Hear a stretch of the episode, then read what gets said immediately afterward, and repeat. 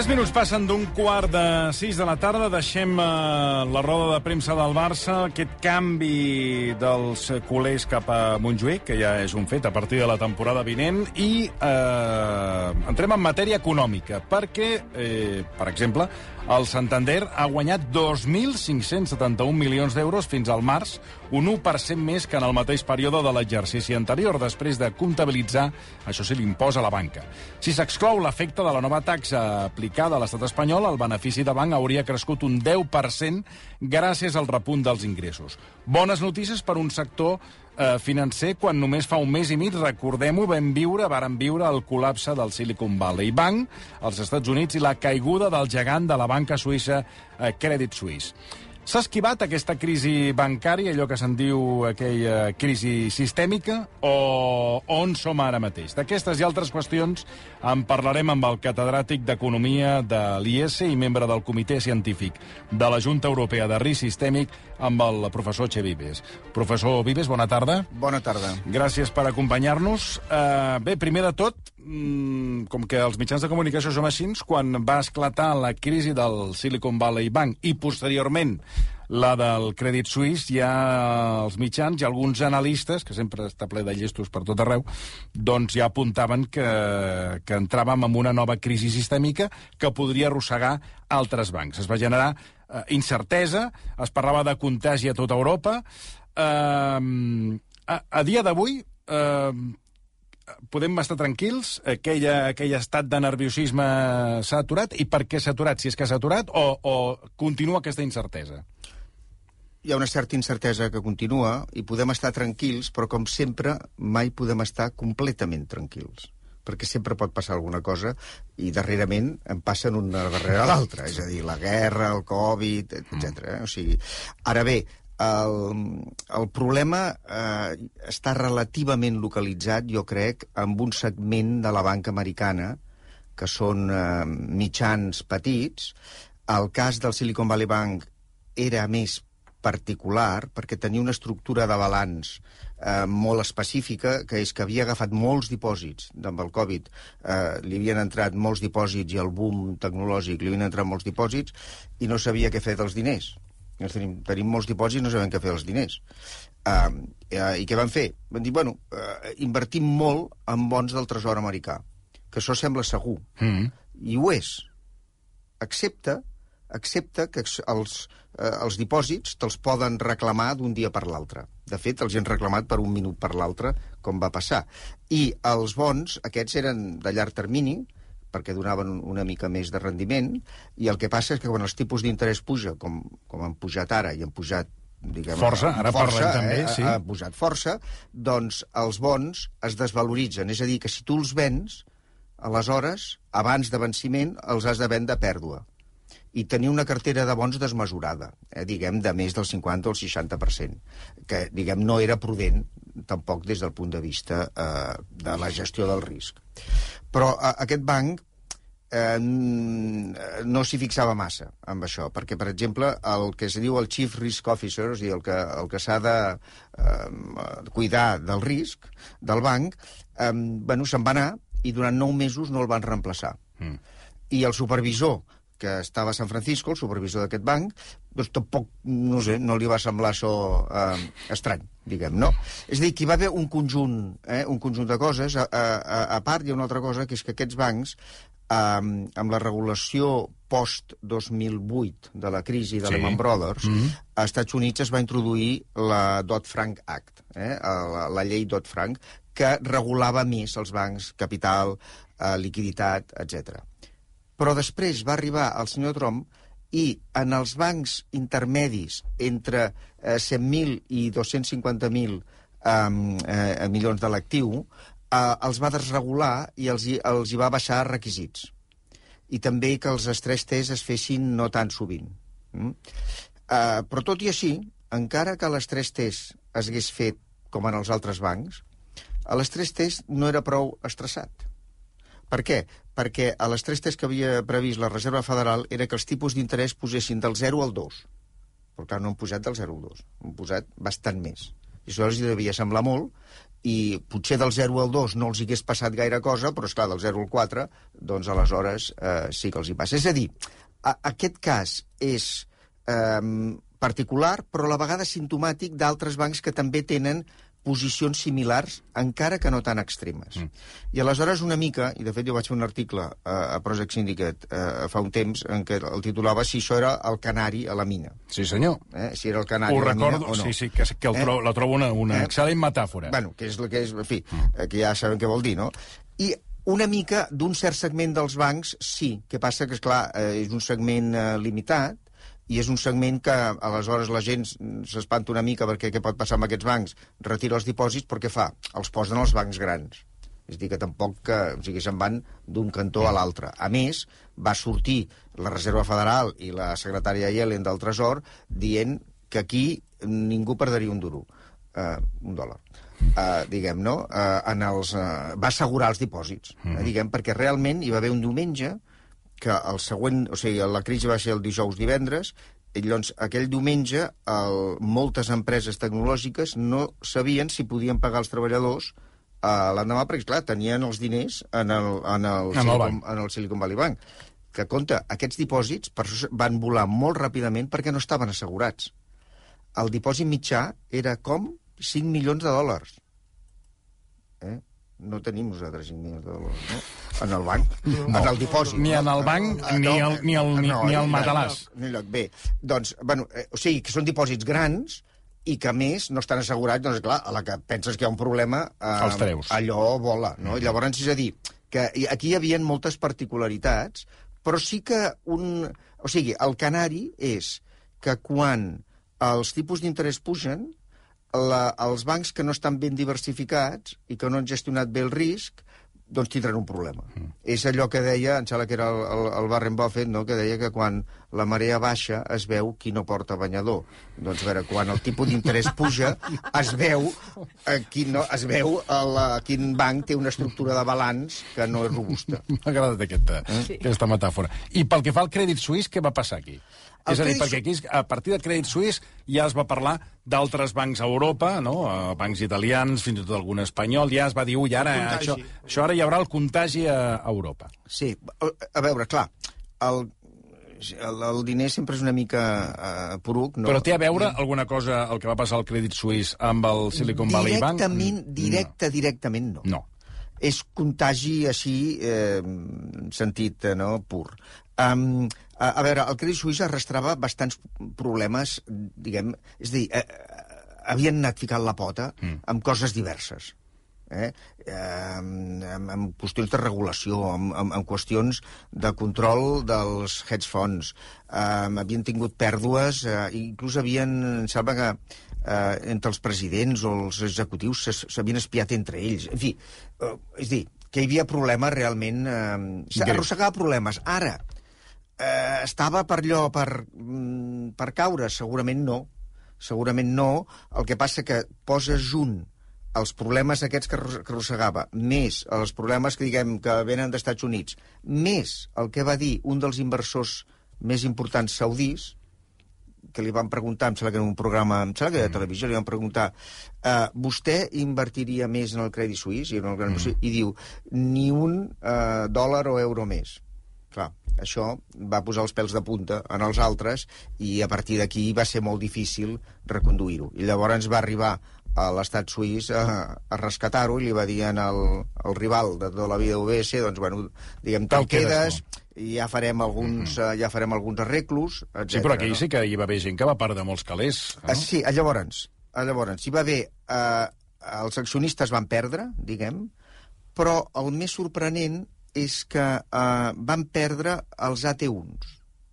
Aquí, aquests... Els no... AT1s. Els AT1s no és la targeta del metro d'aquí, diguem, ni, ni de cap lloc, sinó que és, és un tipus de capital híbrid entre uh, les accions i el deute.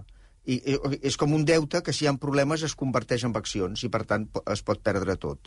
Doncs a, a, aquests AT1s eh, normalment només se'ls pot, amb, la, amb el rànquing normal de resolució de bancs, que és el que passa a, també a la, a la Unió Europea, només se'ls pot eh, eliminar, diguem, és dir, que es quedin sense, sense diners, eh, que, es quedin, eh, eh, eh, que es quedin a zero, només si les accions ja estan a zero. O sigui, ja han, ja han perdut tot. I aquí el que van fer és que les accions no van perdre tot i van perdre els atributs. I, el qual, això sí que ha creat un terrabastall a la banca molt important. Per què?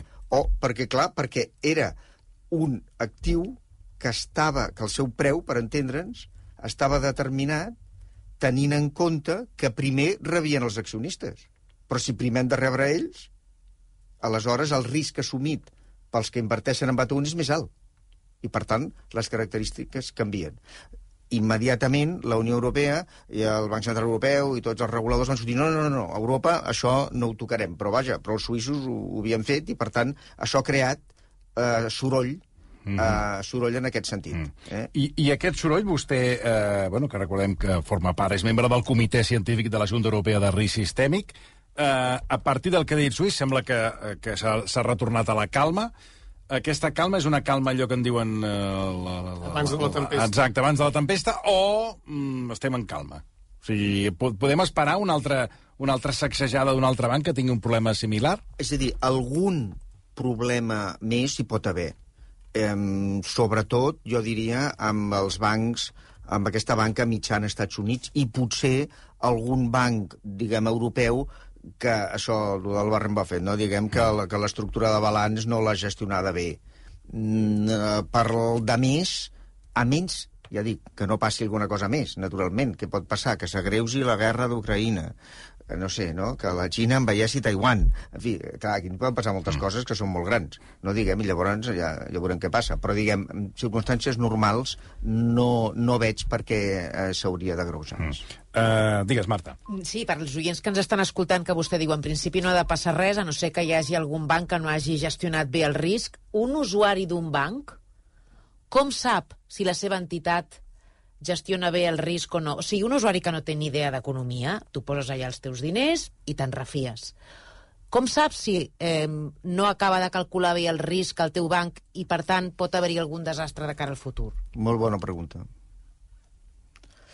Però, eh, clar, um, la resposta és que, clar, que si tu, eh, a més, normalment en el banc i tens pocs diners, és clar, eh, no, no, no pots dedicar-hi molt temps no? a, a mirar, a intentar esbrinar què fa el banc. No? I, per tant, això és la tasca del supervisor.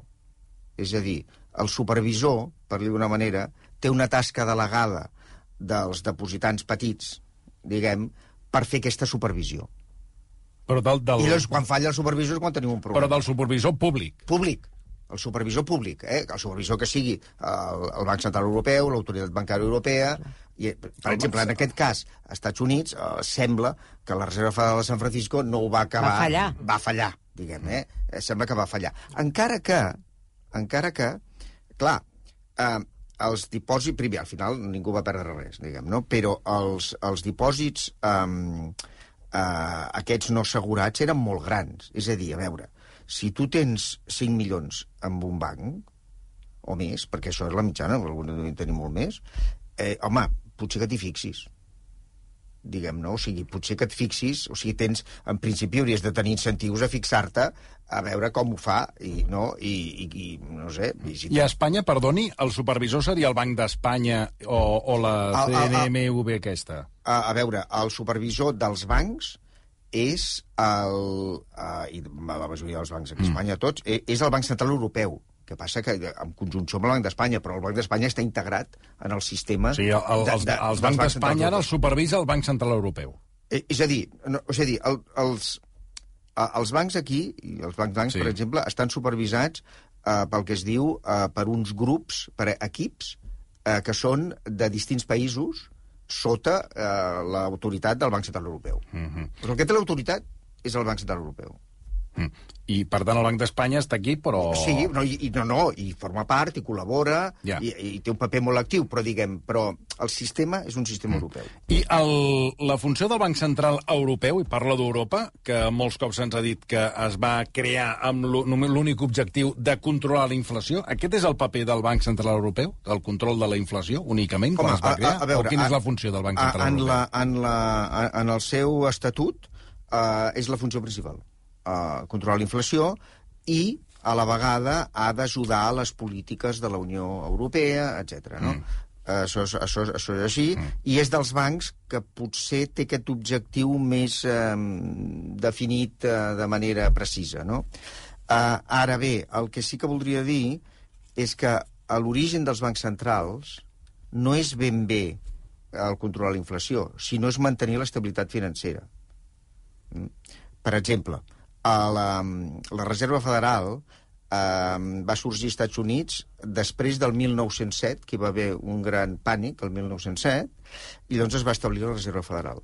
Aquest pànic del 1907 el va, eh, el va arreglar el senyor J.P. Morgan, que era el gran banquer. Sí. Eh, JP sí, sí, que ara tots cone el cone coneixem més la, sí. el, el nom del banc que el que senyor en qüestió. Cosa, no? Aleshores, el, el, de fet, era com una mena de banc a la sombra, els investment trust, i un problema al mercat del coure, etc que, que, que va provocar la crisi. I aleshores el JP Morgan el que va fer és va tenir els bancs tradicionals i aquests altres investment trust, el, els va tancar a la seva biblioteca, això era molt important, la seva biblioteca JP Morgan, que es pot visitar, i amb una habitació els banquers i amb l'altra els investment trust aquests, els, els va tancar la porta i els va dir aquí no us donaré ni de menjar ni de beure fins que no poseu diners per arreglar aquesta crisi.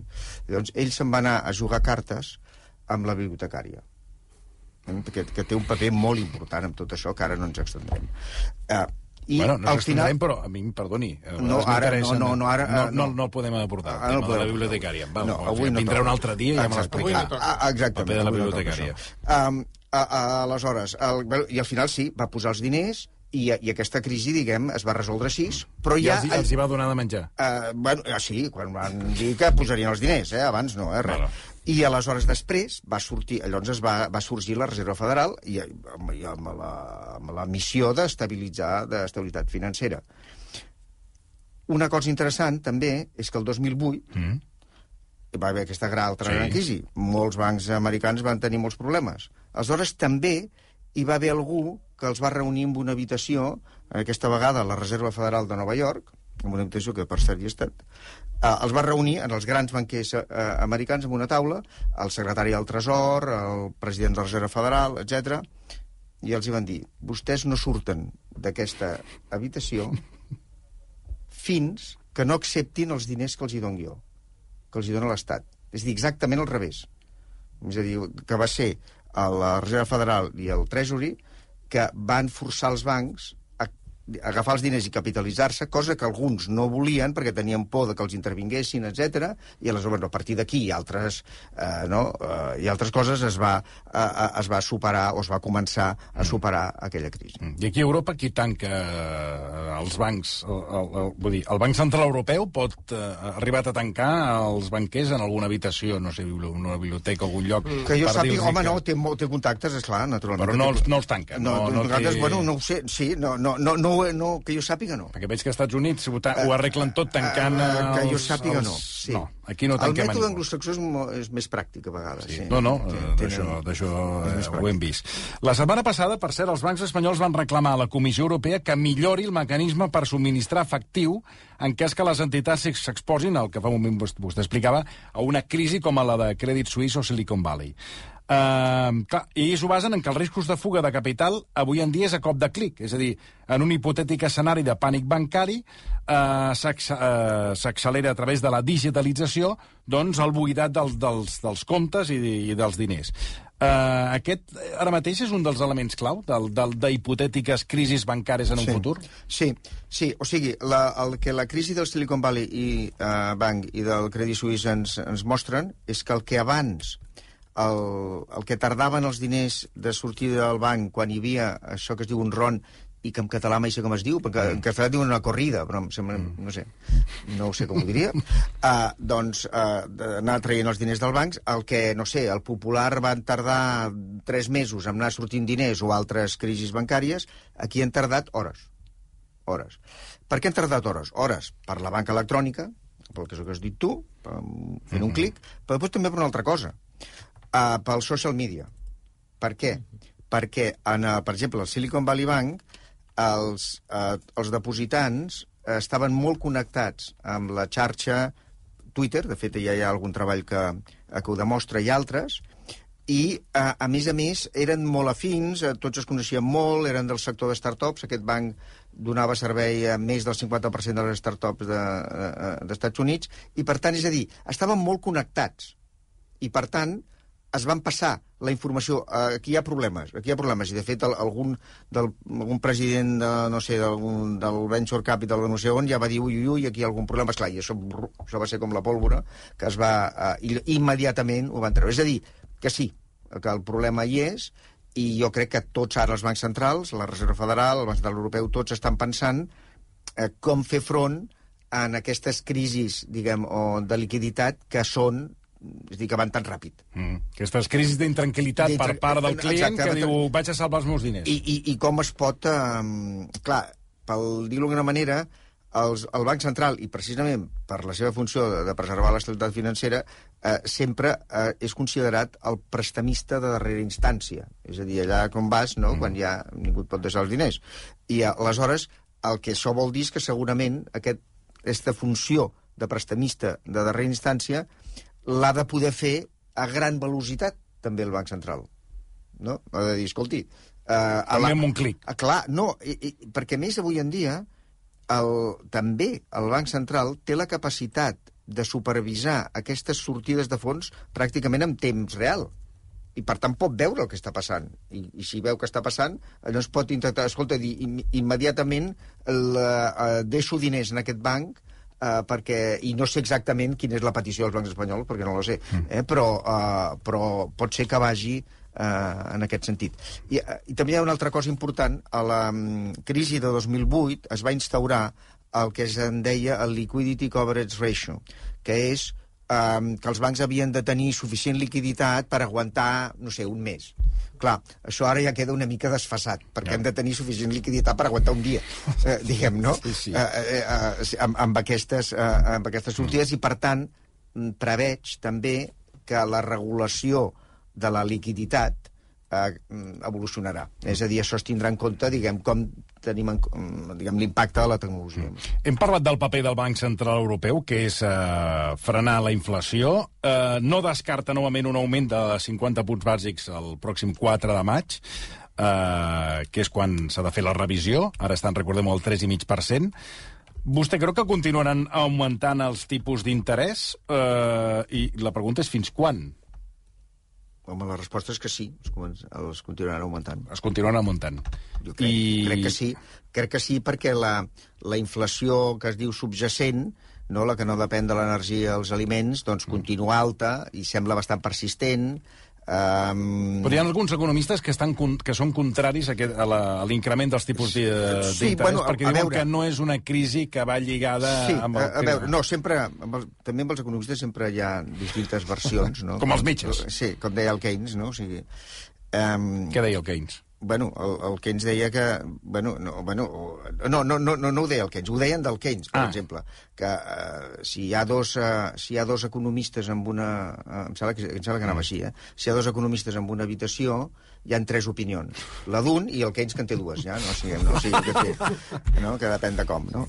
No, és a dir, a veure, la inflació... Clar, hi, hi ha gent que diu la inflació a Europa mm. és més d'oferta que de demanda. Exacte. Sí. Mm, què vol dir això? A, a Estats Units hi va haver un estímul brutal de la demanda. Quan dic brutal, vull dir brutal. El Biden es va passar tres pobles, eh, diguem, estimulant l'economia. I, I això ha generat una gran inflació a Estats Units. Eh, o sigui que és molt de demanda. Aquí és bastant d'oferta, d'escanyament de problemes, eh, perquè depenem molt de l'energia de fora, dels subministraments, etc. No? I llavors, per tant, és més d'oferta. Però el problema és, bueno, quan la tens i s'ha enganxat a la inflació subjacent, com la mates, per entendre'ns, no? Com... I això no s'ha inventat encara una altra manera eh, que pujant els tipus d'interès i, i per tant jo crec que, que els pujaran quan, ara una mica mm. més segur, quan Però més... fins on creu que podrien arribar? Fins on més no ho sé, perquè clar, el, el problema dels, de, del tipus de, de pujar el tipus d'interès eh, i del Banc Central Europeu ah, i, i de tots els bancs és molt complicat. És com el... És com... Eh, Ulisses eh, atrevessant l'estret de Messina. Hi havia dos, dos monstres. Eh, hi havia eh, Caribdis i Escila. Llavors, a, a, a l'Escila eh, feia malbé el marco i es menjava algun mariner. I el Caribdis era un remolí que es fonjava el barco del tot. Llavors, els bancs centrals pensen que el remolí és la inflació, és a dir, que això s'ha d'evitar de totes totes perquè perds tot el barco. En canvi, la, la Sila, bueno, ja saps que posant el tipus d'interès pots provocar una mica de recessió i perdràs algú, no? Faràs alguna mica de mal, però no tant. Bueno, o sigui que ja d'on caure, no? d'un castó a l'altre. Però ara hi ha un altre. Ara hauríem d'inventar un altre monstre. Perquè, clar, hi ha el problema de l'estabilitat financera. Si puges massa el tipus d'interès i massa ràpid, com ha passat ara, pots provocar problemes d'estabilitat financera. És a dir, que podria ser que el tipus d'interès que tu necessites per frenar la inflació és massa alt Mm. en relació a preservar l'estabilitat financera. I llavors tens un conflicte. I llavors ve el, el Banc Central Europeu, tots els altres bancs centrals, i diuen, ah, bé, no, el que hem de fer és no fer servir només l'instrument del tipus d'interès, sinó eh, hem de fer servir els que en diem els controls macroprudencials, que precisament és la tasca en la que assessora la Junta de Risc Sistèmic. El, els controls macroprudencials són totes aquelles coses que eh, aminoren el risc sistèmic. Eh? Per exemple, eh, mirar que els bancs segueixin els controls de risc que han de seguir. Uh, mirar, per exemple, que quan es deixa diners uh, a la gent uh, per comprar per la hipoteca, doncs que no se'ls hi dongui el 100%, que hagin de posar mm. alguna cosa. És a dir, que... Bueno, en fi, és a dir, que tot tipus de controls eh, perquè no es creï una bombolla, per exemple, no? com s'han creat les bombolles en el mercat immobiliari. No? Llavors, a dir, que, que amb aquests instruments, intentar amb els instruments macroprudencials controlar el risc sistèmic, eh, però això és difícil, perquè naturalment el tipus d'interès també l'afecta. Eh? En fi, mm. és una tasca difícil, resum. Um, clar, el, el, el tipus d'interès va lligat a l'Euríbor. Això fa que, que ara molt, molta gent es plantegi bueno, què, què fem l'Euríbor, si el mantenen, si no el mantenen. Uh, tal com estan els tipus d'interès, això vol dir que, uh, tal com s'estan establint ara, n'hi ha, o sigui, n'hi ha per temps, que no tornarem a viure una, una situació com la que hem viscut durant aquests darrers anys, que els tipus sí. d'interès estaven a zero? Aquesta és És a una... dir, això ha canviat, ja no tornarem enrere? O és molt difícil preveure-ho? Naturalment és molt difícil Ja. ja. preveure. Eh, eh, hi ha una gran polèmica. Jo crec hi ha, hi ha, hi ha un gran debat eh, també entre economistes de si tornarem a tipus d'interès molt baixos per entendre'ns, com el Japó, és a dir, que si estarem tants anys, no, uh -huh. per demografia, per raons diverses d'aquestes, no, doncs estarem, no, molts anys amb, o, i tornarem, no? I després altra gent que diu no, um, que no que tant la inflació serà més persistent com els tipus d'interès seran més alts més temps, uh, entre altres coses, uh, per exemple, perquè uh, per la transició verda necessitarem invertir molt, mm, moltíssim, per fer-ho bé, i encara ens falta moltíssim. És clar, el, el tipus d'interès, allò que se'n diu natural o d'equilibri, de què depèn? De l'oferta i la demanda, naturalment. No? De què? Bueno, molt bé, doncs de la demanda que hi pugui haver d'inversió i de l'oferta d'estalvi. Llavors hi havia un tipus d'interès molt baix perquè l'oferta d'estalvi era molt gran, mm -hmm. també venia d'Àsia, etc. Uh, i per tant el tipus d'interès estava molt deprimit, uh, però i la, i la demanda d'inversió tampoc estava bullant. Però ara, és clar, si necessitem invertir molt, llavors pot ser que això uh, pressioni més a l'alça el tipus d'interès. Què passarà? Ni idea. Bueno, eh, no, no, això, escolta, això només ho saben els que es dediquen a, a tirar les cartes i a Exacte, mirar les, exacte. Les, les és a dir, modes. a- aquests són els escenaris i llavors bueno, es pot anar veient no, cap on... Cap on i, anirà. hi ha opinions diverses i respectables, jo diria. Bueno, m'he quedat, eh, ens quedem amb, que, vi- que vingui un altre dia i m'explicarà lo de la bibliotecària, que m'ha m'ha generat molt d'interès, però ja m'ho explicarà un altre Això és, dia. això és un altre tema. Professor Vives, moltíssimes gràcies per haver-nos acompanyat. Eh, Moltes gràcies a vosaltres. No, al, al contrari, vostè, catedràtic d'Economia de l'IES i membre del Comitè Científic de la Junta Europea de Risc Sistèmic. I els que estan fent cua, que no els hi ve d'un dia ni de dos, són els que volen veure Bruce Springsteen, Sí. eh, entre elles eh, Sí. Carmen Cabeza, Sí, jo ja secretària... tinc les entrades, sí, sí. ja no, dos dies? Dos hi va dies. Però ara anirem a la gent que ja està fent cua in situ. Ai, ara, que nervis. Ara connectem.